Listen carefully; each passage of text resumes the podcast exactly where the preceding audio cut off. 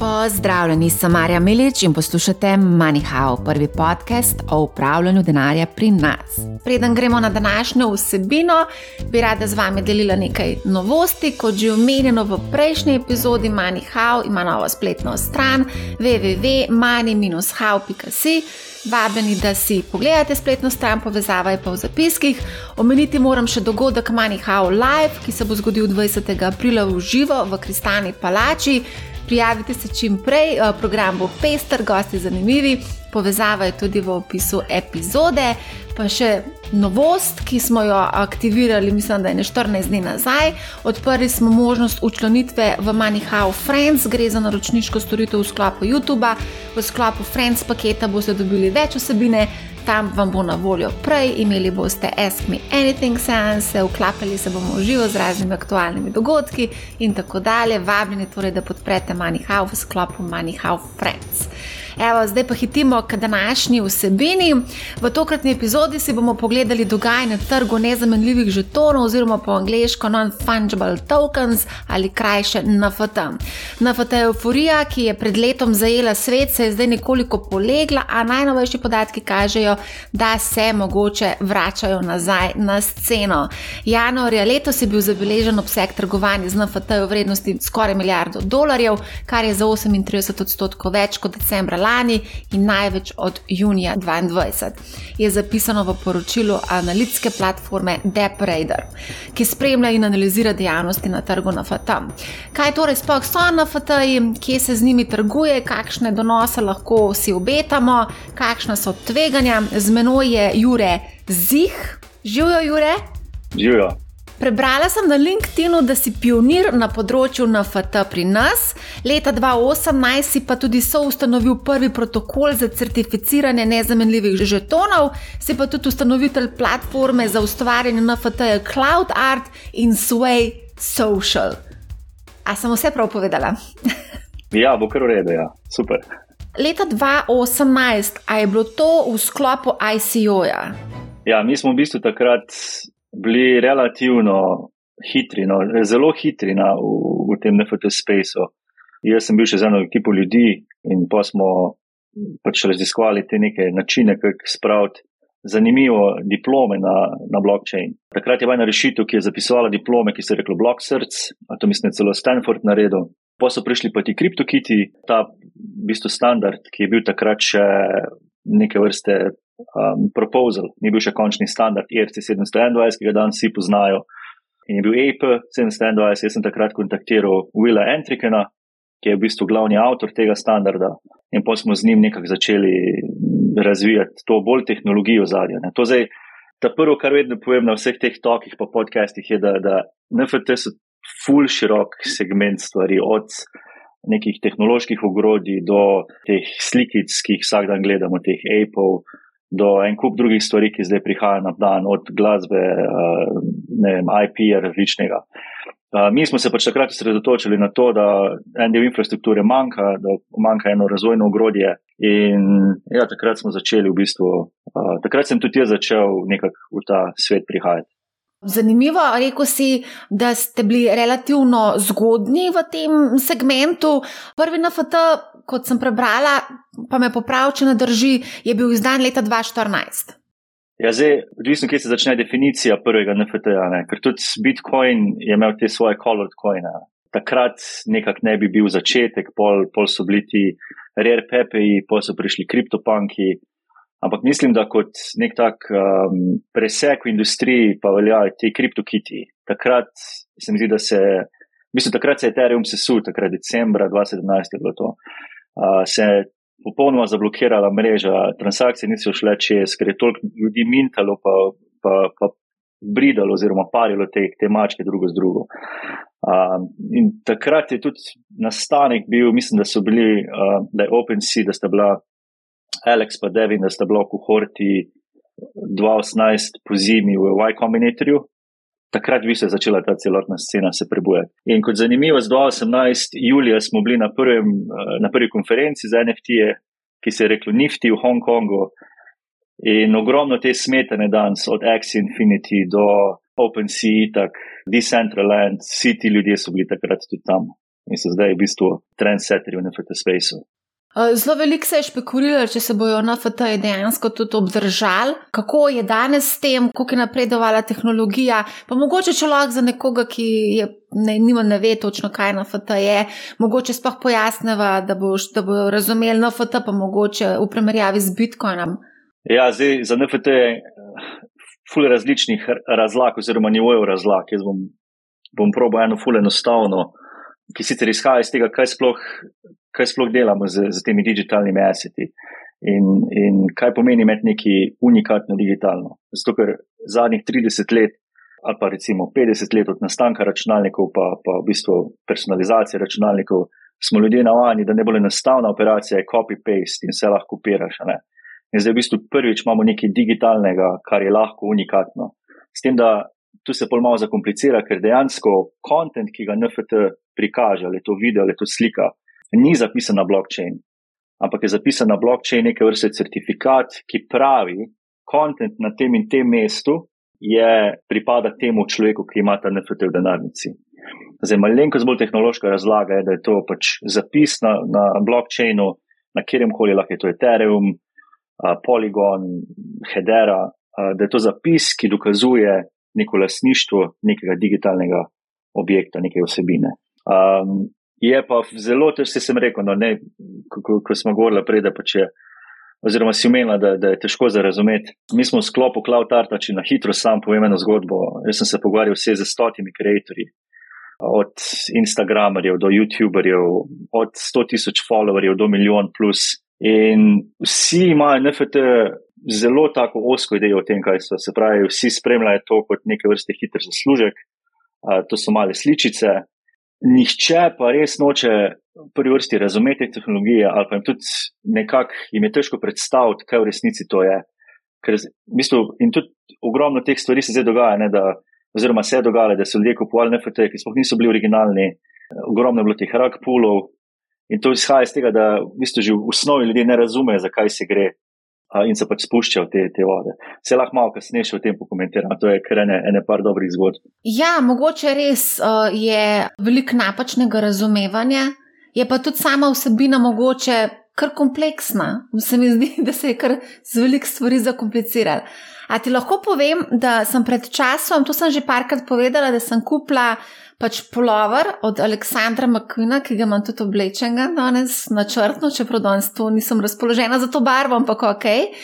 In sem dobila blockchain žeton ušit v polover. No, potem tega pač poskeniraš in si tako v bistvu polniš virtualno omaro z virtualnimi oblekami, ki jih konec koncev tudi nosiš v resničnem življenju. Ja. Torej, je to en primer uporabe?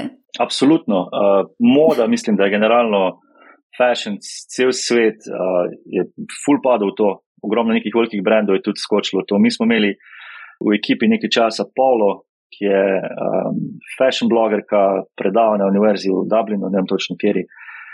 In ona en, en kup teh use cases nam je vse čas predstavljala okrog tega, ne, kje vse se uporablja, sploh tem high-end luxury goods uh, segmentu, kjer, kjer dejansko obstaja toliko naredkov, že, da je skoraj ta trg po naredku večji od, od originalnega trga in da, da lahko ta tehnologija služi. Se pravi, že recimo 2018 je bilo eno NFT podjetje, zdaj sem pozabil ime, Ariane, točno, francozi so bili Ariane in oni so delali z Filipatekom možnost uporabe blockchaina na način, kjer bi lahko ti, ko prodaš uro, prodal tudi, oziroma predal tudi ta NFT kot neizpodbiten dokaz, kot nek digitalni certifikat. In tu ima en kup prednosti, pol, ker lahko tudi spremljaš uh, za nazaj, ne, kdo vse je imel to uro, kdaj je bila neka transakcija narejena. Um, in jaz mislim, da.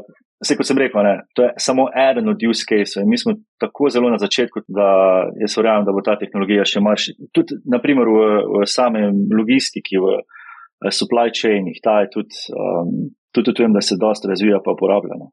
Zdaj, mogoče, ko greš to omeniš ure, uh, se mi zdi, da je bil pa zelo glasen zagovornik in podpornik teh NFT-jev kot obliki certifikata, Mr. Wonderful iz Šartenka. Yeah. Se mi zdi, da je bil eden, eden najbolj teh glasnih. Zdaj z marcem vstopa v veljavo uredba, ki v bistvu bo nekako omogočila tokenizirane vrednostne papirje in tudi druge v bistvu esete. Kako bo mhm. pa to zdaj pospešalo vse skupaj z to uredbo in s tem dovoljenjem in s tem, da bojo eh, borze se dejansko tudi morale registrirati pri agencijah za trg vrednostnih papirjev? Je zdaj, moja izkušnja s kriptosveta, jaz sem v tem že zdaj od no, začetka 2017. Je, jaz mislim, da razlog za to, da je stvar tako rasla, pa uh, se tako intenzivno razvijala, je ravno v tem, da je bil to skozi en mal tak Wild Wild West. Uh, pri NFT-jih sploh, ker NFT-ji so v bistvu, zdaj, če, če gledaš, koliko je bilo preko, so bili ti ICO-ja, je bilo tam striktno prepovedano participacija za ameriške državljane. In zdaj z NFT-ji so se začeli te neke zbirateljske kampanje denarja delati tudi, tudi v Ameriki, tudi v US trgih, ker se lahko šteje NFT tudi kot commodity. Um, jaz mislim, da, da zna to kar pretrest malo trge, no, malo te projekte. Po eni strani je super, ker se bo ogromno nekega um, flafa filtriralo, po drugi strani pa tudi vedno, ko imaš neko regulacijo, oziroma ko, ko, imaš, uh, ko omejuješ ljudi, s tem omejuješ tudi nek razvoj in napredek. In dosti je tudi bilo zdaj pred kratkim, če sem kot slišala govora o tem, da ne bi uh, SEC reguliral, da ne, ne bi več uporabljali stakinga. In en kup teh novih DeFi produktov, naprimer, uporablja staking. In mislim, to je zdaj ogromno, pa tudi mislim, da se je oglasil ta CEO Coinbase, pa povedal svoje mnenje, da je to pač napačna smer. Ampak, ok, če ostanemo pri NFT-jih, vedno je vprašanje, na kak način ti NFT-ji nastajajo. Oziroma, jaz sem vedno gledal na to kot na NFT kot na commodity, ker je v bistvu pač nek unik item. In je tudi, po mojem, malo mal nerazumljen v, v svetu digital assetov, ker gre v bistvu za neke vrste asset, ki nikoli prej ni obstajal, ne? mi ga pa še vedno neke šablone, pa ogrodja uporabljamo, ki smo jih uporabljali za finančne assete. Ampak, ok, eno je lahko commodity, zaradi načina prodaje, se pravi, če jaz tebi, neki, jaz tebi dam nek denar, ki meni daš NFT, je to ok. Problem nastane takrat, ko se začne ta NFT mešati v DeFi produkte, ker je ogromno nekega stakinga, kjer so leveraged modeli, kjer imaš. Ker ne gre več za NFT kot commodity, ampak gre za, za nek hibrid, oziroma bolj za nek finančni inštrument zaden. To, to, to mislim, da je tisto, kar najbolj uh, bega zdaj te razvijalce. Zdaj, kako se bo to išlo, ne vem, bomo videli. Jaz upam, da dobro za projekte.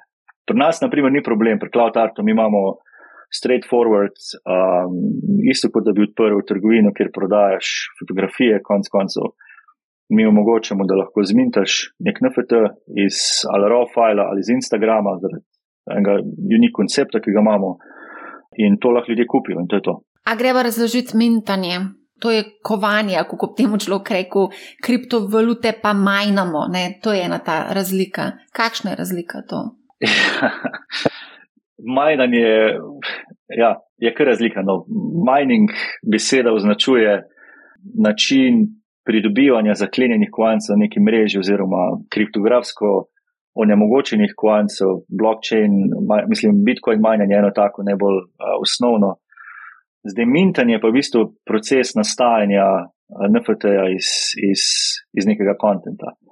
In kar sem že prej omenil, ne, mintanje ni nič drugega kot pa zapisane pametne pogodbe na chain. Se pravi, če si predstavljamo blockchain kot nek, nek, um, neko, neke pakete, ki si sledijo drug drugemu, pomeni, da pač v en paket zapišemo to pametno pogodbo in ta pametna pogodba o svojih metapodatkih, se pravi, pač v njej je zapisano da določen kontent, ki obstaja na nekem URL-ju, pripada lastniku tega žetona, se pravi, lastniku tega, te pogodbe. No, in tu je ena stvar, ki, ki je vredno omeniti, je, da, pretek, da je bilo v preteklosti ogromno teh rakpulov, zaradi tega, ker je v osnovi že proces hranjevanja podatkov, pa kontenta uh, za NFT je, je v bistvu ločen proces, ki se ga da enostavno zlorabiti. Recimo, da jaz zdaj na Amazonove serverje, ki pač so najbolj po, poznani po tem, da shranjujejo te podatke, pa, pa slike, pa videe, spravi content, naložim pet slik in zdaj zmintam NFT na način, da uh, pač povem, da so to slike, ki jih ta NFT uprizarja. Se pravi, jaz kot lasnik tega NFT-ja imam ekskluziven dostop oziroma lasnino do teh slik. In ker je pač AWS, AWS server od Amazona, kot vsi ostali serverji, lahko grem na ta server in preprosto zamenjam te slike z nečim drugim. In uh, en tak primer je bil mislim, na 22 na vrhuncu tega NFT kreza.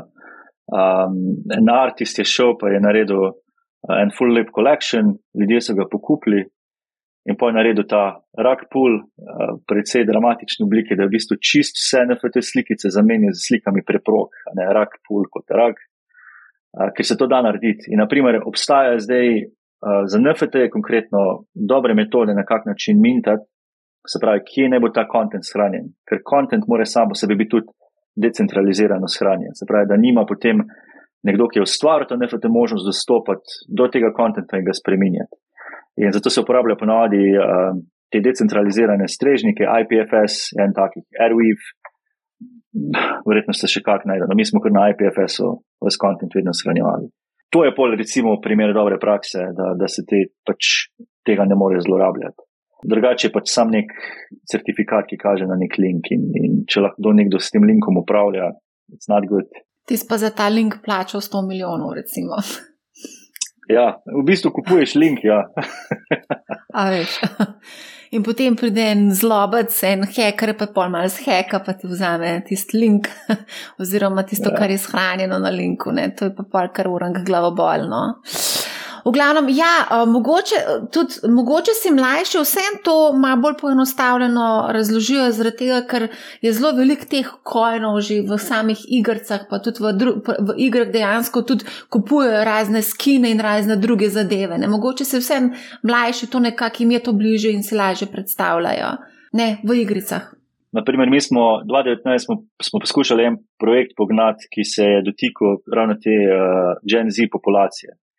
In jaz se spomnim, da sem prišel do enega researcha, ki ga je en švicarski inštitut naredil, da so Gen Z-erci digital nativi do take mere že, da če jim lahko dokažeš, da je, nek, da je nekaj, kar je digitalno, da je unikatno, jim je v bistvu percepcija vrednosti ista kot pa nekaj, kar je fizično pa unikatno. In to je meni, na primer, jaz sem 30, meni je to nepojemljivo, ne mislim, nekaj čurok, ki držiš pa unikatno, pa, neki, pa, pa sem v NFT space, pa s kolegi, ko se pogovarjam, imajo isto, isti problem, ne. Pa da jim rečeš, da je neki digital unik, je vseeno malo, se mi zdi, da ta tangible item, se pravi ta fizični primerek, ima malo večjo vrednost, oziroma boljš lahko ta koncept vrednosti razumeš pri mlajši generaciji je to povsem brisana meja. Se pravi, tam je vseeno, ali gre za fizični, digitalni produkt, če lahko dokažeš, pa rečeš nekaj unikatno, je to za njih čisto ok.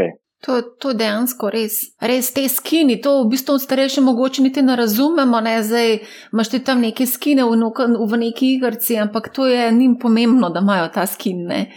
Tako kot ja, recimo. Ja virtualne omare z virtualnimi oblekami. Ravno pred kratkim sem razlagala sodelavcem, da imam jaz virtualno omaro, ker imam virtualne obleke in jim je čist čuden, kaj, kaj stavo narobe. dobra, mislim, dobra ideja za razmisliti, ne, na kak način mi svoj social status pokažemo. In o tem se razlaga na eni konferenci že nekaj časa nazaj, da dejansko pred, oziroma generacije mojih staršev je bilo ful pomembno, kako v resnici izgledaš v moji generaciji je ful pomembno, kaj izgledaš na Instagramu. Za generacije, ti, ki prihajajo, jim bo ful pomembno, kako njihov avatar izgleda. Zato jim ni problem tam odšteti 100 dolarjev, zato da ima uh, najboljši skin. Recimo ta, ta igra, verjetno tudi od starejših pozna League of Legends. Uh, Smo mlajšega brata, ki je to igral ure in ure. In, in da si kupil skin, um, ne pomeni, da si bil zaradi tega boljši da si imel bolj stece, da si lahko boljš napadal, imel boljšo obrambo v tej igri, ampak pač imel si boljši skin. Ampak ni to mal čuden, vse skupaj. Ko bi se ja, pomislil. Skin je bil 100 dolarjev. Lahko greš pa v trgovino, pa kupaš nekaj za 100 dolarjev za obleč, pa boš tudi čist ok. Ne? Mogoče te še kdo v realnem svetu videl. da se hecam. Ej, omenil si že OpenSea, to je najbolj znana uh, NFT tržnica, če lahko tako rečem. Um, a obstaja še kakšna taka, ki bi bila recimo zaupanja vredna in kaj v bistvu tam lahko počnemo na tej tržnici? Ja, en kup teh tržnic obstaja. Jaz mislim, da, da lani smo se še hecali malo v krogu teh NFT entuzijastov, da se vsak dan vse na novo odpre, oziroma to je bilo bolj 22. OpenSea je največja, najdlje že na okolje, tudi najbolj verjetno zaupanja vredna. To, da imaš recimo ta checkmark pri zbirki na OpenSea, pomeni, da, da je njihova ekipa naredila nekaj dela, da, da so te verificirali. ker je pač treba tudi biti na to pozorna. Uh, OpenSea zlista vse, vse, kar lahko skenira, v bistvu skenira oni iz Ethereuma, iz Polygona, pa iz, um, uh, iz Solane, spravi iz teh treh blokčinov. Uh, zdaj pa, da collection releasaš, ga lahko kdorkoli. Pomembno je pač to, da pol prideš v stik z njihovo ekipo, če narediš ta collection pa da te ekipa verificira, da si ti res ok. In recimo karkoli drugega, kar je brez tega blue check marka, sploh se ne dotikati, ker je teh skemov ogromno. Jaz sem, na primer, uh, sam večkrat tudi kupil kaj tako uh, impulzivno, ker pač uh, imaš občutek, da imaš kak dober opportunity in nisem preveril pravi čas in potem sem kupil nekega japonskega artista, neka dela. Prebral sem, da je recimo tri mesece nazaj že nekaj NFT release in da je to follow-up collection na Twitterju vse izgledalo ležit in sem kupil in pol je bil totalno rak pul. Ampak ni bilo, to je bilo za par dolarjev, ni bilo nič hudega. Da je mogoče zdaj, ki si rekel, da si kupil nekega artista in kaj pol? Kako imaš to shranjen kaj delaš potem s tem, a si ogleduješ to sliko, to umetnino, ti to predstavlja užitek? Ne, jaz mislim, da bom govoril na pamet zdaj, ampak jaz mislim, da 96% vseh nakupu pa prodaji v NFT space je zgolj in samo špekulacija. Spravi, da bi si zdaj to, razen teh res nekih unikatnih del, kot je naprimer Beeple, ki se je prodal za rekordnih 67 tako milijonov, je večina trga je špekulacija. Spravi, jaz bom kupil zato, da bom prodal nekomu drugemu po višji ceni. To, kar se dela dejansko v 2018 za ICO, je se zdaj v bistvu z NFT, se pravi, ta kapital se samo premakne z enega vedra v drugo jaz, recimo, to, kar imam kolekciona, um, nimam neki full, ampak recimo jaz, kot zanimivost, zelo malo imam na Ethereumu, ker se mi zdi, da so ti drugi blokčini, ki prihajajo, da bo celotni momentum, ki bo zgrajen okoli teh novih čejnov, da bo tok močen. Da je lahko toliko višja. Mi s Cloud Artom smo recimo investirani od glave do pet v Hedero, HBAR Foundation je tudi nas uh, financiral, mi smo dobili en grant od njih, In uh, tam je, po mojem, zdaj najbolj perspektiven NFT market iz vidika komunitija, kako raste, iz vidika projektov, ki prihajajo tja, ogromno game developerjev, ki so se tja predstavili. Pač projekti hodijo dejansko, recimo lani se je pojavil ta trend Grand Hunting, da so projekti, ki pač jim je zmanjkalo denarja, so šli pa hodili od enega do drugega blockchaina, od recimo Avalanche, Hedera, Solana ker ti vsi večji infrastrukturni playerji izdajo grante, s katerimi polovabijo na svoje, v bistvu svoje vrste te uspešne projekte. In recimo izmed vseh do zdaj, mislim, da Hedera je naredila tako velik preskok z svojim HBR komunitijem. Zelo, zelo navijam za njih, tam imam tudi več teh NFT-jev. Ampak recimo v primerjavi z Ethereumom, ne, Ethereum je pa vsem dalj časa na tem svetu, če lahko temu tako rečem, ima enega zelo pomembnega človeka v ozadju, prepoznavam ja, ga. Abs absolutno, ampak vedno je stvar, oziroma vprašanje v kriptu je vedno vse za mene, ne, kaj si želim kot nek outcome. Zdaj, recimo, tudi, tudi pri nakupu kriptovalut je zgodba ful preprosta. Lahko lah sem play it safe, pa recimo dam nekaj denarja na Ethereum, ki lahko recimo da zraste za, če bomo imeli srečo, za 10x v naslednjem bull marketu lahko se grem pa pač ta denar, ki sem ga imel na voljo, za katerega moram itak predpostavljati, da lahko gre do nič, da lahko pa razpršim med neke te mikrokojne oziroma te uh, medium size alte in na tak način imam dosti večjo možnost. Smo naprimer prijatelji, ki so skakali mi po glavi, da moram kupiti Polygon oziroma takrat je bil še Matic 2019, pa jih nisem poslušal, ker sem bil preveč obseden s tem, da je Ethereum the best of, pa zdaj Polygon v bistvu med top 5. In tu se mi zdi, da je ne, pač vsak ima svojo strategijo. Jaz, jaz stavljam ne samo na NFT-je kot take, ampak na to, da bo celotni ekosistem zrastel. Zato, ker se celotni ekosistem v bistvu napihne, se pa tudi urednost teh pozna, ne, se, se pozna neka razlika v tem.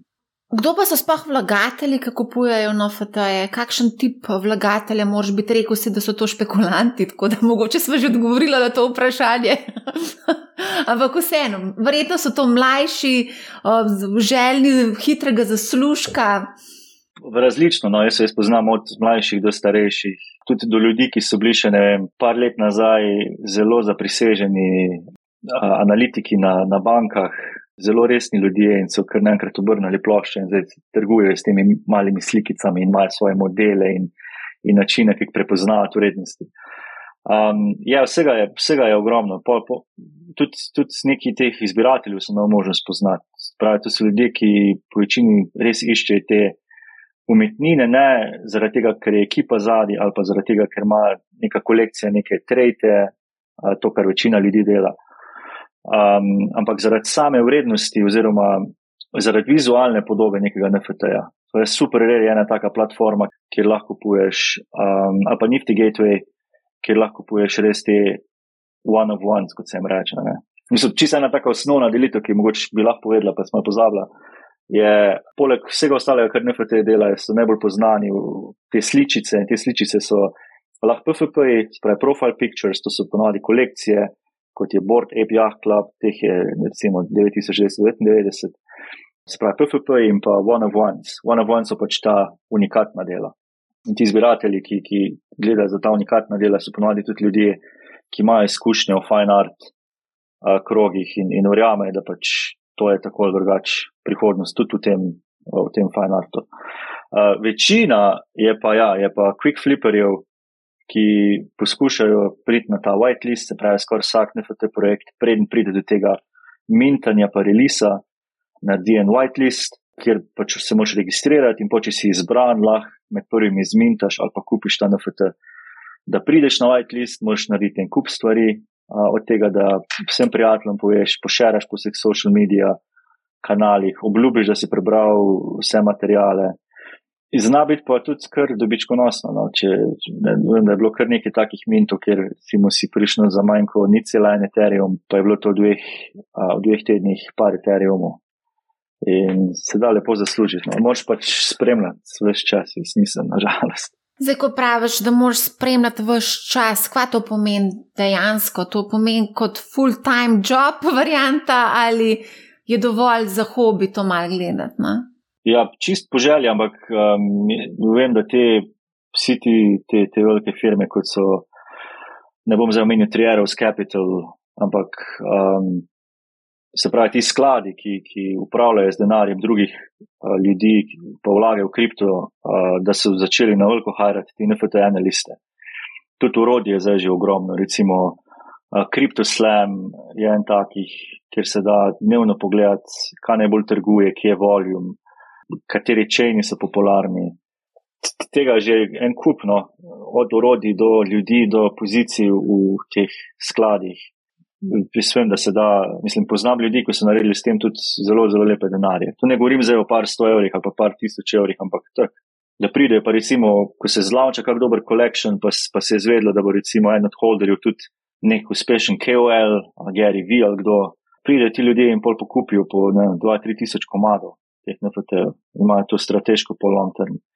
Tako da ja, tudi, tudi to se da. Omenil si kar nekaj novih poklicev, NFT, analitiki, omenil si digitalne umetnike. Se pravi, nastaja nek, nek, nek, neki novi poklici tukaj znotraj tega nastajajo. Absolutno, ja. Mislim, en, poleg tega, recimo, kaj, kaj še um, pravi, NFT analitiki so itak pol en izmed poklicov, ki so ga skoraj vsi NFT marketplace v, v lani iskali ali pa predlani, uh, je bil, da si bil scout za artiste, ker je v bistvu že bilo pomankanje na eni točki ljudi, ki bi jih lahko pripeljal v, v ta NFT space. Um, in full-time business developer je, da, da iščejo te projekte, da iščejo, uh, oziroma te ljudi, da jih poskušajo pripeljati on board.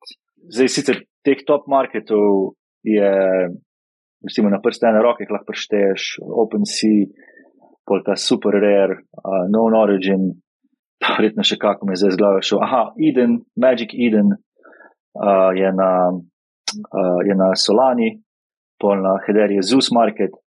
Ne, ampak ti so lideri vseh ostalih, ne vem, 90 tisoč marketplacev, se pa bori s tem, da pripelje čim boljši kontent, čim boljše ljudi, celebritije.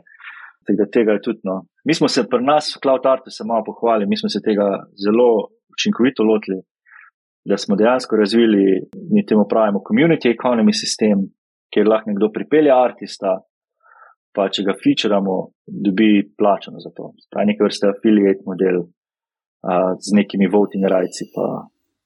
A se greva dotakniti uh, teh bizarnosti, ki se dogajajo. Recimo, mislim, da sem glih ene 14 dni nazaj brala en članek, kjer je pisalo, da je nek zelo znan umetnik zažgal tisoč svojih slik, ker pač hoče imeti na FT-je. A je to normalno? ja, s, s temi umetniki, mislim, ne vem, umetniki normalno. To je vse umetnost. Ne, isto kot tista banana, ki se na steno prilepi. Tudi to po nekih kriterijih ni normalno.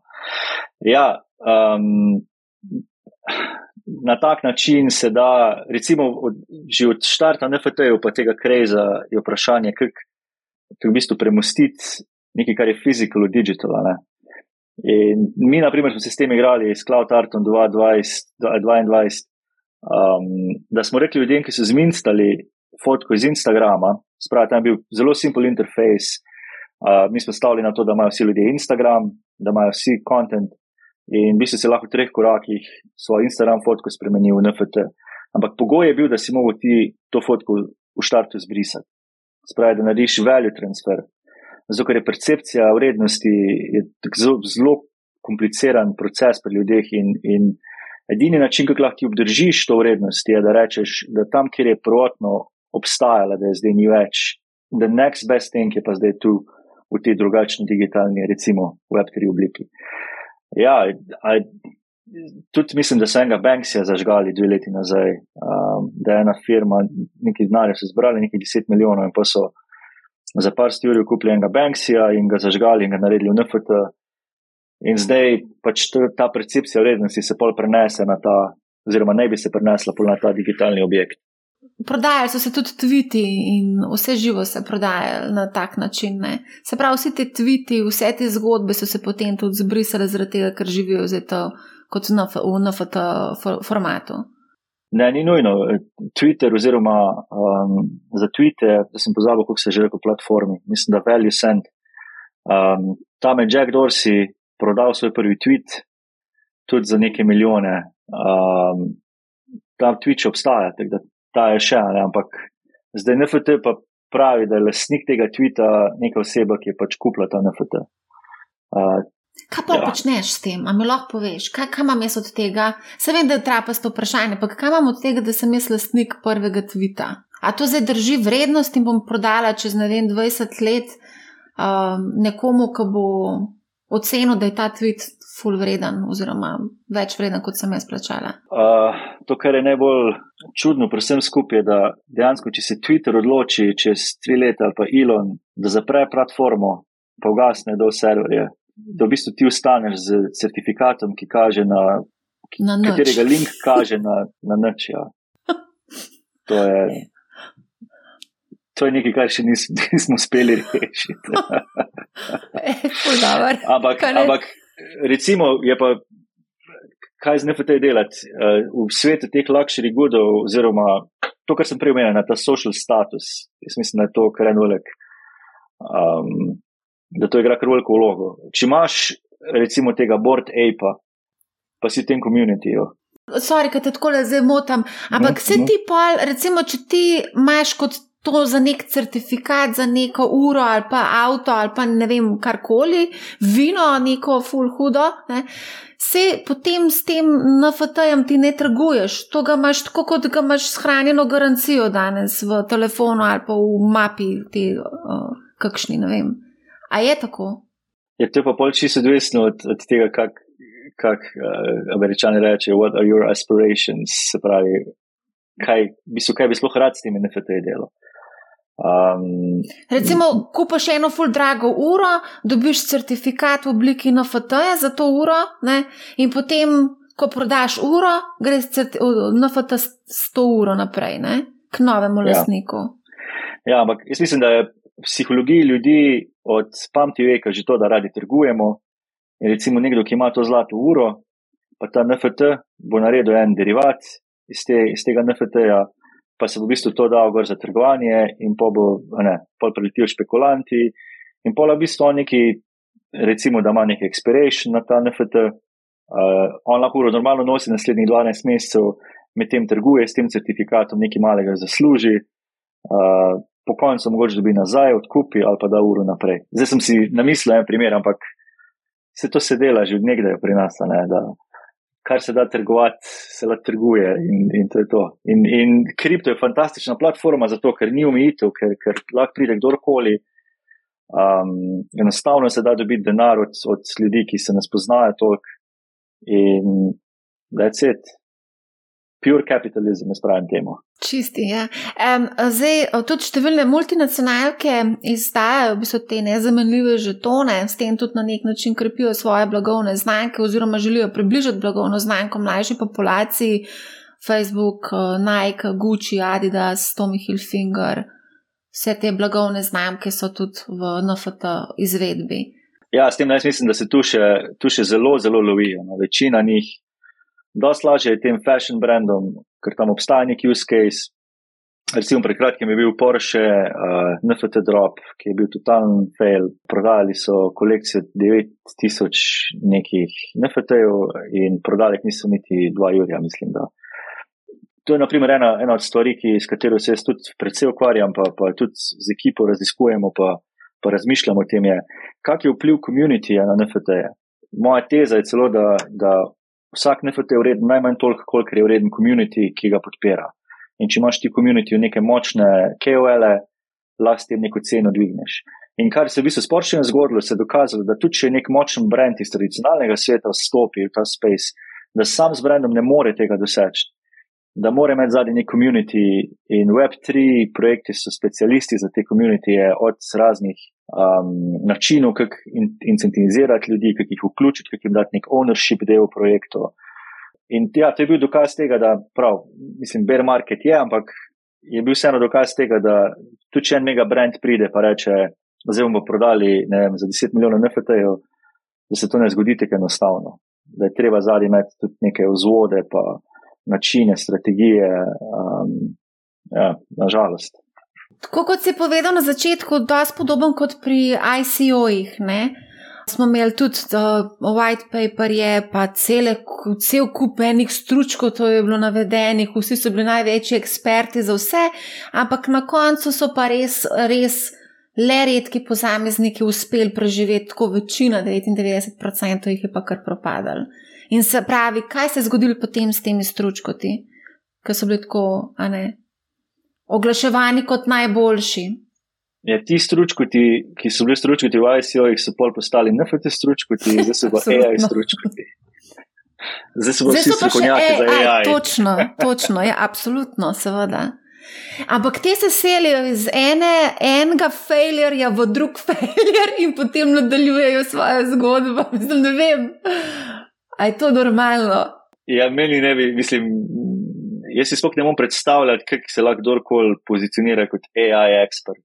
Um, jaz ful verjamem v to. Jaz tudi verjamem v to, da, da obstaja presečišče blokčina pa AI-ja, ravno zaradi tega, kar blokčin omogoča, ta nezamenljiv zapis on-chain.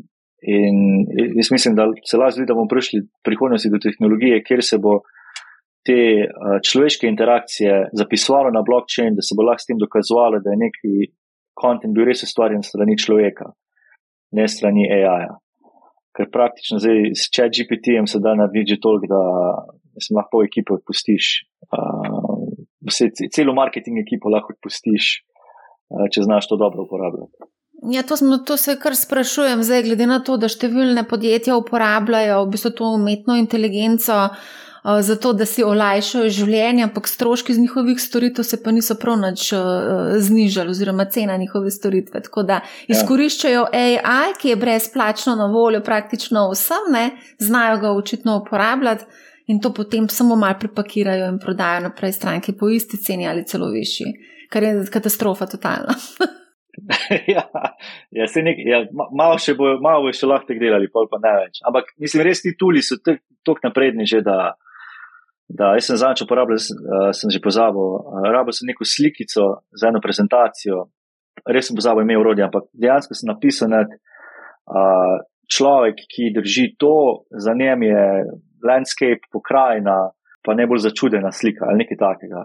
In voilà, in AI je to sprovedel. Mislim, že sam to. Koliko časa se za take stvari namenja, da bi mogli na iStock foto to iskati, ali bi dobo sploh tako fotko. Pa še plačati bi mogel za to. Ja, plačati bi mogel za to. Um, ja, se, zdaj, to je vroča razprava uh, čez lužo o tem, da gre to v bistvu za nek sofistik, sofisticiran uh, plagijat oziroma krajo avtorskega dela dejansko.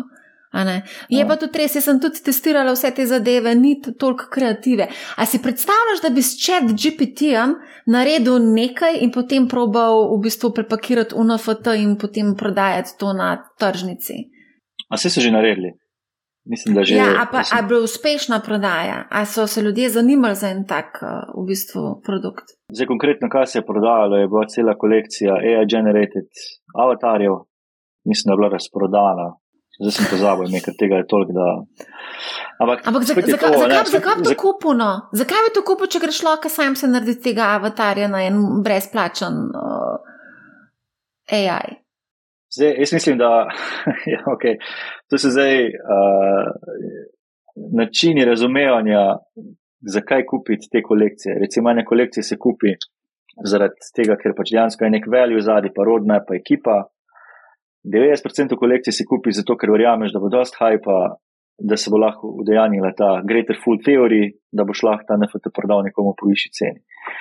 In projekti, uh, ki dajo pač nalepko gor na vrh AI, takoj kotirajo malo više, malo boljše. That's that. Dejansko, mislim, tudi, tudi kar se tiče klasičnih teh, ne rabi biti AI generated, ne obstajajo gen generatorji, kjer lahko greš pa, pa prelepiš en kos slike, pa, pa ti oni zgenerirajo pol 9299, same story. Vse v svetu finance pa zdaj vse, kar je zeleno, je že ista zgodba, no, vse ja. je več vredno. Okay, a gremo mogoče naprej, dodana vrednost. Uh, zdaj, menda, da številni ustvarjalci NFT kolekcij v bistvu želijo angažirati svoje kupce in želijo, da v bistvu z žetonom v bistvu ponudijo to neko uporabnost. O tem se je tudi zelo veliko govorilo, o, ko smo imeli ICO manijo o uporabnih toknih. Podobna zgodba tudi tukaj, NFT uporabni, da so pač NFT uporabni imam tak en uh, unpopular opinion, da NFT niso rešitev za vse, se da pa z njim marsikaj narediti. Recimo, en, en izmed primerov, ki mi je zelo blizu, oziroma dva lahko vem, no, en je ta v, uh, v igricah, se pravi in-game. Zdaj res je, da ti ta velike igrice od Fortnite pa Robloxov, da to so interni marketi, ki še naslednjih deset let jih ne bo spustili poleg uh, NFT-jev, ker pač ni v njihovem interesu. Če lahko oni obvladujejo cel market, prodaje pa nakupa teh itemov, zakaj bi zdaj neki z NFT-jev in karli. Obstaja pa vmes en range uh, teh igric, kjer mislim, da je lahko zelo beneficial za njih, da, da se poslužijo te tehnologije. Zato, ker jaz lahko, na primer, v eni igri kupim en item, pa ga lahko potem iste igre vzamem, pa ga uporabljam v neki drugi igri. Zdaj, kakšna je reprezentacija tega vizualno, ali je prilagojena ti drugi platformi, ali ne, to čist prepuščam možnosti. Uh, ampak obstaja pa polen trg zadnji, ki bi se lahko formiral, kjer bi ustvarjalci teh itemov delali za več teh igric ali pa več različnih platform hkrati. In tu mislim, da ta um, fluidnost teh itemov zna biti zelo, zelo dobra. Um, tudi kot način financiranja, ne, mislim, da sem se že 2019 uh, na Malti smo na eni konferenci uh, pogovarjal z enim tipom, ki je rekel, da pač želi narediti igro na način, da vnaprej proda vse iteme, s tem financira igro, pa da bo hkrati spustil tudi zunanje oglaševalce na, na tak način. Spravi, da bo lahko, recimo, boš imel od Coca-Cola uh, neko pijačo ali pa nek jersey od, od Guccija, polu te igri, ki pride in pa lahko pač med igricami prenašaš. To je en primer. Drugi primer je pa definitivno uh, glasba. Creator economy na širše, ampak na bolj osko mislim, da je glasba zelo, zelo perspektivna. Zaradi tega, ker je um, vedno gledam na to, kje so problemi, pa, pa kje se ne več po domače povedano moze, pa kje najmanj ostane za creator. In, in glasba je tak zelo, zelo tipičen primer, kjer na koncu do enega sajnanega artista pride min, res miniaturni del denarja. In, in ti, zdaj v en kup artistov, ravno zdaj sem videl TikTok, uh, ki dejansko zavračajo pogodbe od teh velikih založb, ker pač jih ne rabijo več. Ne. So oni imajo svoj rit skozi TikTok, na Spotify nekaj zaslužijo, od tega, ko jih ljudje poslušajo, čeprav še vedno premalo. Um, in so v bistvu sami sebi so, so celotni distribution company. To, kar je recimo 30 let nazaj bilo, da, mogo, da si mogel te plate narediti, pa jih poslati okrog, pa, pa skrbeti za dobavo z, z kupci, z trgovinami. Tega zdaj ni več, to je vse v bistvu decentralizirano. No, zanimivo sem tudi advisor pri enem uh, teh projektov Token Tracks. Uh, tam je uh, en kup te, uh, bom rekel, industrijske smetane tudi poleg, ker se tudi oni zavedajo, da je to the next big thing. To so ljudje, recimo Miles Davis je tam, um, ki je v bistvu bil prej čermen od Parlofona na, uh, v UK-ju, pa je zdaj v bistvu presedlal v to pozicijo, ker verjame, da, da NFT in pa glasba grejo skupaj. Kaj se bo pa s Spotifyjem zgodil? To je dobro vprašanje. Ja. To je ful dobro vprašanje. Zdaj, čisto odvisno, ali bo Spotify šel poleg v to. Se pravi, bo tudi sami začeli kaj v tej smeri razmišljati. Ampak recimo za en tak full konkurent Spotify je že Audius, ki je praktično Spotify, ampak je decentraliziran. Se pravi, useri sami uh, so ownerji svojih teh profilov, so ownerji svoje glasbe. Um, in točno to je, po mojem, največji value, ki ga ta Web3 prinaša. Da imaš individual ustvarjalce, da ne rabiš med zadnji, ne tehnološkega giganta, da ti muziko pretaka, ne produkcijske hiše, ne založbe, ampak praktično si lahko vse sam. Se pravi, to je tista klasična ideja, oziroma osnovna ideja, da se znebiš posrednikov. Tako, vse to praktično je, ne, osnovna ideja Bitcoina. Točno to decentraliziran, pač decentraliziran sistem. Ne. Zdaj, ko si omenil glasbenike, Gramatik je bil eden od slovenskih glasbenikov, ki je bil ta prvi v ICO zgodbi in seveda tudi ta prvi v NFT zgodbi, tako da on je eden izmed teh malo bolj uspešnih, recimo, izdajateljev. Ne. Ja, on je bil, on je kar pionir tudi no, na tem področju. Se mi zdi, da je prej smo sploh začeli mi se pogovarjati o, o, o kripto, on že naredil ta svoj sale teh žetonov mislim, nekaj čez milijone takrat zbral. Ampak to je, um, to je zanimivo, no super, da, da si ga omenila. Da smo ta svet upravka s kulturo samo, bolj kot pa, kot pa z nekimi finančnimi vzvodja. Ne. Jaz, recimo, tudi ogromno projektov teh NFT jim uspeva zaradi tega, ker so uspeli zgraditi ta komunity, pa tako kulturo okrog tega, pa pripeljati te ljudi. Uh, in mislim, na programatiko je zelo, zelo podoben primer. Ne, da on sicer zdaj ni uh, world superstar kot Rijana na Super Bowlu, par dni nazaj, ampak da ima pa svoj ta kultur, ki je okrog njega zgrajen, pa ti privrženci so pa toliko entuzijasti, da, da valjda bo podprli te ideje, ki pridejo ven. In to, to je prednost, ne? to, da tudi recimo en, en artist zdaj, ki, ki koma zasluži za eno položnico s tem, ko ima neko muziko na Spotifyju, da dejansko si uspe zgraditi neki komunity, pa da ne, to, kar on dela, da, da je zato lahko neposredno nagrajen skozi ta nek decentraliziran model. Mogoče še to, ko govorimo o glasbenikih, mogoče tudi ta NFT vstopnica je tako zelo zanimiv koncept. Recimo Duncan Devils so lansko leto izdali te VIP vstopnice za ta adrenalinski spektakel v Hali Tivoli in so imeli te NFT vstopnice. Ne samo to, potem so ponujali še razne druge ugodnosti prek tega, recimo, ne vem, kako se temu reče, sistema. Je to v bistvu tudi ena tako zanimiva rešitev? Ne? To je tudi zelo dober use case. Ja. Mislim, da je festival, zdaj ne bomo na robe povedali, na mačarskem, da da so naredili tudi za ne naslednje leto, ampak pol, da so se začeli pripravljati, da bi imeli celotno infrastrukturo podprto z NFT. In se mi zdi ful dobro, um, dobra rešitev za problem, ki dejansko obstaja, ker v svetu teh vstopnic imaš zelo dobre možnosti, da kupiš ponarejeno vstopnico, če recimo ne moreš od originalnega resellerja kupiti. In to je tak use case, kjer, a ne, vedno, po mojem, se treba vprašati, ali se rešuje problem, pa kako velik je ta problem. In ta, ta uh, NFT ticketing je, po mojem, spot on. Ja. To je super. Recimo, še enega dobrega smo imeli mi med koronom, pa, pa tudi niso, nismo pol udejanjili.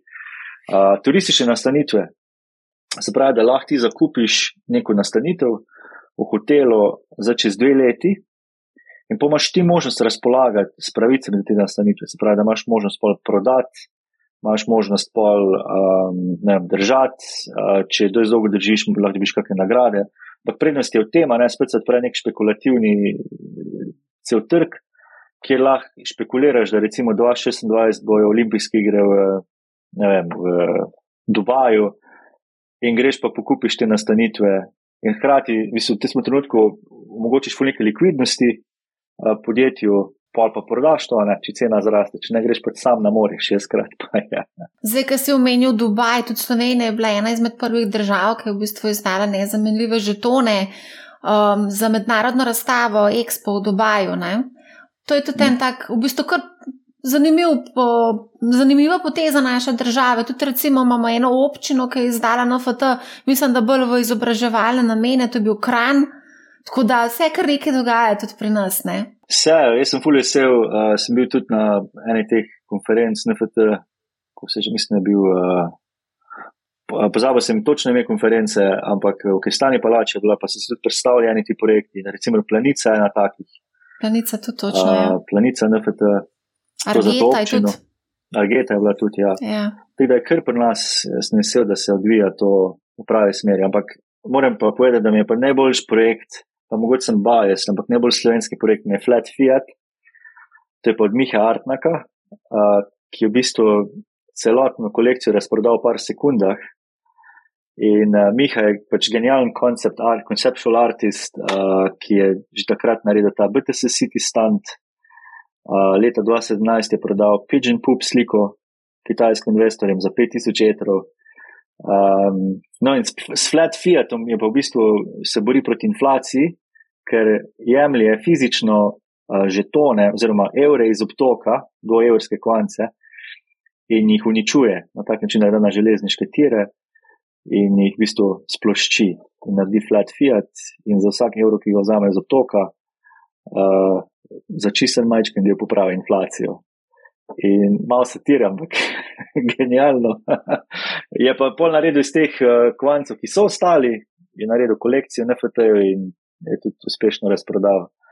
Uh, je, pa, je tudi zelo dober prijatelj. No, imeli smo ga na Cloud Art platformi ravno prejšnji teden, tudi prodajeno kolekcijo svojo, tudi um, še prej smo ga uspeli dobiti na Spaces, je tudi razprodal vse svoje NFT-je. Kaj to pomeni, recimo, kar rečeš, razprodati NFT? Kaj to pomeni, recimo, uh, za njega kot artista? Kaj to pomeni, ali lahko o denarju govorijo tukaj, koliko denarja je on po, pobral s to razprodano kolekcijo? Ne, so, mi delamo kolekcije ne teh PFP-jev, ampak mi delamo teh one of one, se pravi, te unikatne, posebno unikatna dela. Uh, v naših kolekcijah so od 3 pa do, mislim, maksimalno 9 teh itemov lahko featuraš. Uh, cena je od najcenejše bilo 60 dolarjev po posameznem NFT-ju, najdražja 1500. Tiste, tiste je bil nek, nek res hud VR, uh, nek projekt enega Avstrica oziroma Nemca. Uh, Mihaj pa prodajo, um, uh, mislim, da je bil en kos 500 dolarjev, pa je prodajo tri, tri te svoje stvaritve, tri te uh, pup art, se pravi to, kar je že prodal v 2017 v fizični obliki, je zdaj še del tega digitaliziral in, in v bistvu pri nas dal na prodajo to.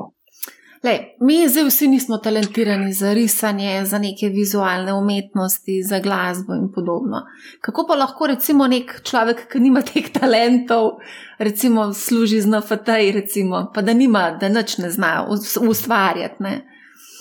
Ja, zdaj tek je, uh, če zdaj za trgovanje z NFT-ji uh, treba nek čas, voljo, energijo, dobra platforma. Naprimer, za prav tradat, uh, OpenSea ni the best, je, je pol boljš nekaj takega kot je naprimer Blur.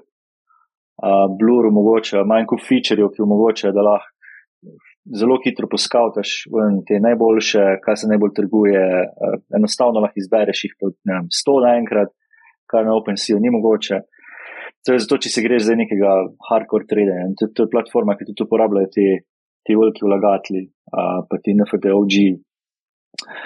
Um, zdaj, če pa, če pa hoče kdo, če se pa kdo čuti, da, da bi rad vseeno svoj kontent prodajal, uh, je pa to en, ena stvar, ki smo v bistvu mi hoteli s Cloud Artom rešiti. Naša teza 22 je bila, pač kako spraviti ljudi iz Web2 na Web3 generalno, ampak tak, ože gledano da niso vsi artisti, da niso vsi uh, digital artisti, da ne zdelajo vsi glasbe, da imaš en kup drugih ljudi, ki pa vseeno imajo nek rič, pa nek community in kako zdaj to zmonetizirati. In zakaj je bila ta ideja, ker, ker, ker pač jaz sem bil bes na to, da pol pride Snoop Dogg, ne, ki je fantastičen musician, pa dobi nekega artista, pa pol neke svoje NFT-je prodaja na crypto.com. Ali pa pride ne, nek, nek um, Gordon Ramsay in pol tudi dobi nekega artista, in pol neke te um, slike naredi. Ne, ti ljudje imajo ogromno kontenta, ti ljudje imajo kontent na svojem Instagramu, uh, imajo kontent na um, v storju, vsak dan proizvajajo. In, in ideja je bila samo v tem, kako zdaj dobiti nekaj, kar je že del vsak, vsak dana njihovega, pretvoriti v NFT, pa v bistvu mogoče, da to zmonetizira. Pravi, to je, ampak en kup takih preprek še do tja in jaz mislim, da to, kar je treba najprej uh, obdelati, je um, ta user interfejsi, ki jih imajo blockchain urodja, ti tuli, ki so še vedno prekomplicirani. Jaz imam uh, tak test svoje mame, če moja mama zna uporabljati polje, ok, če ne zna polje, pretežko. Narediti wallet je še vedno pretežko, to, to vsem tem wallet uh, creatorjem pa developerjem več čas razlagam, ne, da, da pač če ni klik, klik, klik, pol se ne bo ljudje ukvarjali s tem to, ampak druga stvar je pa to, kar sem že prej bežno omenil, je pa percepcija vrednosti tega. To pravi, na kak način um, ljudem predstaviti, pa v bistvu jim um, ustaviti ta koncept vrednosti za nekaj, kar je NFT. In tu pač rabiš pol tudi nekaj časa, da delaš s svojim komunitijem. Naprimer, to delamo s Cloud Artom, da pomagamo tem artistom, ki imajo popolnoma web2 community, da jih podučijo, da jih izobrazijo, ne, da polk nekdo kupi ta nek item, da, da se pol čuti, da je res dobo nekaj, kar je of value. Mhm. Zdaj se je omenil uh, Blur. Uh, ravno danes, 14. februarja, ko snemamo to epizodo, uh, naj bi izdali žeton In to ne bi bilo v bistvu tisti eden od glavnih razlogov za ful povečano zanimanje s trgovanjem z NFT-ji. Poleg tisto, kar sem omenila na začetku, ko naj bi prišla neka nova kolekcija zbirke Board Ape Yacht Club Yuga Labs. Ne? Uh, ker naj bi obsegal deset, naj bi obsegal ta zbirka deset tisoč kosov z risanimi opicami. To so opica, bajc. Se pravi, med temi uh, Juga Labs naj bi bilo celo investitorji, kot so Justin Bieber, Serena Williams in drugi znani. Skratka, ta uh, zbirka naj bi povzročila ta hype plus žeton tržnice Blur. Generalno, jaz mislim, da se malo, to ni finančni svet, ampak da se celotni trg malo pobira, kar me je zelo presenetljivo, ampak da se pa tudi to pol odraža v, v, v tem NFT. Mislim, da novembra smo neko, neko dno dosegli, zdaj januar, decembr je bil že bolj, zdaj januar je bil pa že kar konkretno, ampak smo še daleč od 3 milijard oziroma 5 milijard celo. Ja. Um, a lahko mogoče poveš, zdaj si res omenil in opozarjal um, pač ta špekulativni vidik, da je zelo veliko prevar. Kako pa v bistvu ločiti med kredibilnim projektom in pa med prevaro? Ja, en kup prisrča, oziroma ne vem, na koga se, na koga se ljudje zanašajo, ali, ali, ali obstajajo neki ti skupine, kjer, kjer povejo ljudje, pa dajo signale, te skupine so plačljive, sam načeloma tega ne uporabljam. Um, največ lahko naredi vsak za svojim DIY, do your own research. Uh, pogledati Twitter, uh, pogledati engagement na Twitterju, se pravi, da ima nekdo 30 tisoč followerjev, še ne pomeni nič. Kaj ima po najmo postu, recimo po 6-7 lajkov, to je tako clearly misleading. Uh, um, pogledati, uh, ne, kdo so ljudje, ali so ti ljudje resnični, ali so ali ekipa Docs, se pravi, ali so prikazani sploh kot ljudje, ali so pač neki avatari na mestnih. Um, po skom sodelujejo, kdo se je v bistvu jih podprl. Pogledati, ali so ti ljudje, ki so jih podprli, dejansko to tudi javno naznanili. Tako da, ja, ni neke zlate šablone, ampak um, pač čim več gledati, brati, researchati. Zato je pa fajn te stvari mogoče delati, tako zgolj kot na svet. V ekipi sedem, osem prijateljev, uh, vsak naredi en projektič, ga pregleda, uh, pa pol skup se pa se pa skupaj odločitve te sprejemajo. Ja, ja, ja, čredno, čredno. To je bilo leta 2017, so se zbrali prijatelji, pa so skupaj kupovali ICO-je. Pa ja. bolj si jih opozarjal na pasti, bolj so te gledali in govorili, da je lahko, prosim, se skenslaš, jaz vem, ti nimaš pojma. Ne? Na koncu vsi ostali, brez vse uložene, vsega uložka, ki so ga investirali v te ICO zgodbe. In ne vem, a so prišli nazaj ali ne, nismo se potem več pogovarjali. Ampak, ne, ne, ja. ampak Ampak te bom prekinil, jaz mislim, da to je bil sem slab research, zato ker ljudje, ki so dober research naredili, so vedeli, da morajo pravi čas ven. Uh, um, lahko nadaljujemo to debato, koliko je pa to vedel. Ker se ti v tistem hajpu, ko vidiš, ko se ti začne tam nekaj virtualno ja. nabirati. Ne? Veš, to je tako, no, psihološko, ne vem, če shendlaš. Tudi marsikdo takrat, ko smo bili na vrhu, prvem vrhu Bitcoina, ki je bil pred 20 tisoč. A veš, ljudje so verjeli, da bo to šlo še gor, ne pa se je pa kar orang skladal za dolg čas. ja. No, pa še spet ne, nazaj gor. Ja, to je res. In to, to je naprimer tudi. Um, zato jaz tudi sem govorim, da pač v kriptu vedno sem to, kar lahko izgubiš. Ker, ker ne toliko, jaz, jaz verjamem, da dolgoročno, da se bo večina, ok, razen teh bottom shitcoinov, ampak da se bo večina teh koncev, tudi če si jih zdaj kupil na vrhu, da se bo pobral, da, da bo, zdaj mogoče ne bo 100x več od tam, ampak da lahko priješ nazaj. Problem je samo v psihologiji ljudi, po mojem, v razmišljanju o tem, da so čustveno pol toliko investirani v te stvari, da ne, pričakovanja so ogromna, pa so pa porazi tako hudi, da. Da se dogaja res neumne poteze. To ni nič novega, psihologija je del v bistvu tudi same borze, imaš uspone in padce. Tako da to je v bistvu utrip, srčni utrip borze in tudi uh, kripto trge. Čeprav pri kripto trgu je ta srčni utrip malo bolj podivjan kot pa recimo ja, na ja. borzi. Ne. Ja, Jure, mislim, da sva obdelala za začetek tele NFT, -je, tako da najlepša hvala za super debato. Hvala za povabilo. Hvala tudi poslušalcem, da ste nas spremljali. Poslušajte manj hav, ne bo vam žal in lep pozdrav.